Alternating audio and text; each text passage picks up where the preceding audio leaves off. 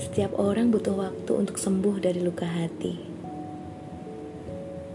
Membebaskan diri dari perasaan yang bisa membuatnya down setiap saat. Berdamai dengan diri sendiri sebelum memutuskan untuk memaafkan keadaan. Meskipun sulit, tetapi tanpa disadari, setiap orang akan melakukannya.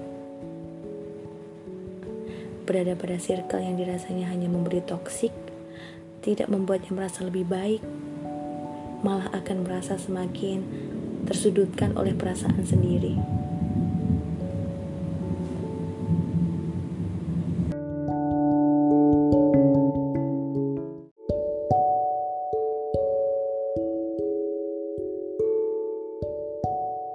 Maka dari itu, jangan sesekali menghakimi keadaan orang lain dengan perkataan yang semakin membuat luka hatinya melepuh lagi. Kita tidak tahu apa yang sesungguhnya sedang dia perjuangkan.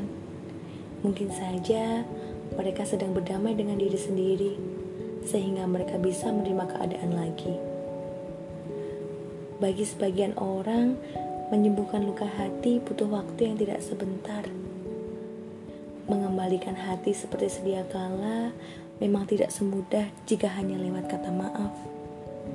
Praktiknya akan lebih sulit dari yang diucapkan.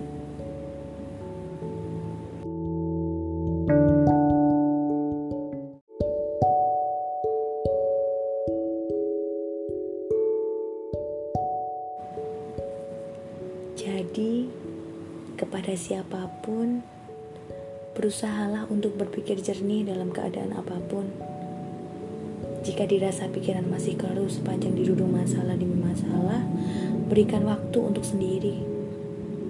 Dengan begitu, diharapkan setiap keputusan untuk berproses tidak meninggalkan penyesalan yang hanya akan membuat masalah lebih besar lagi.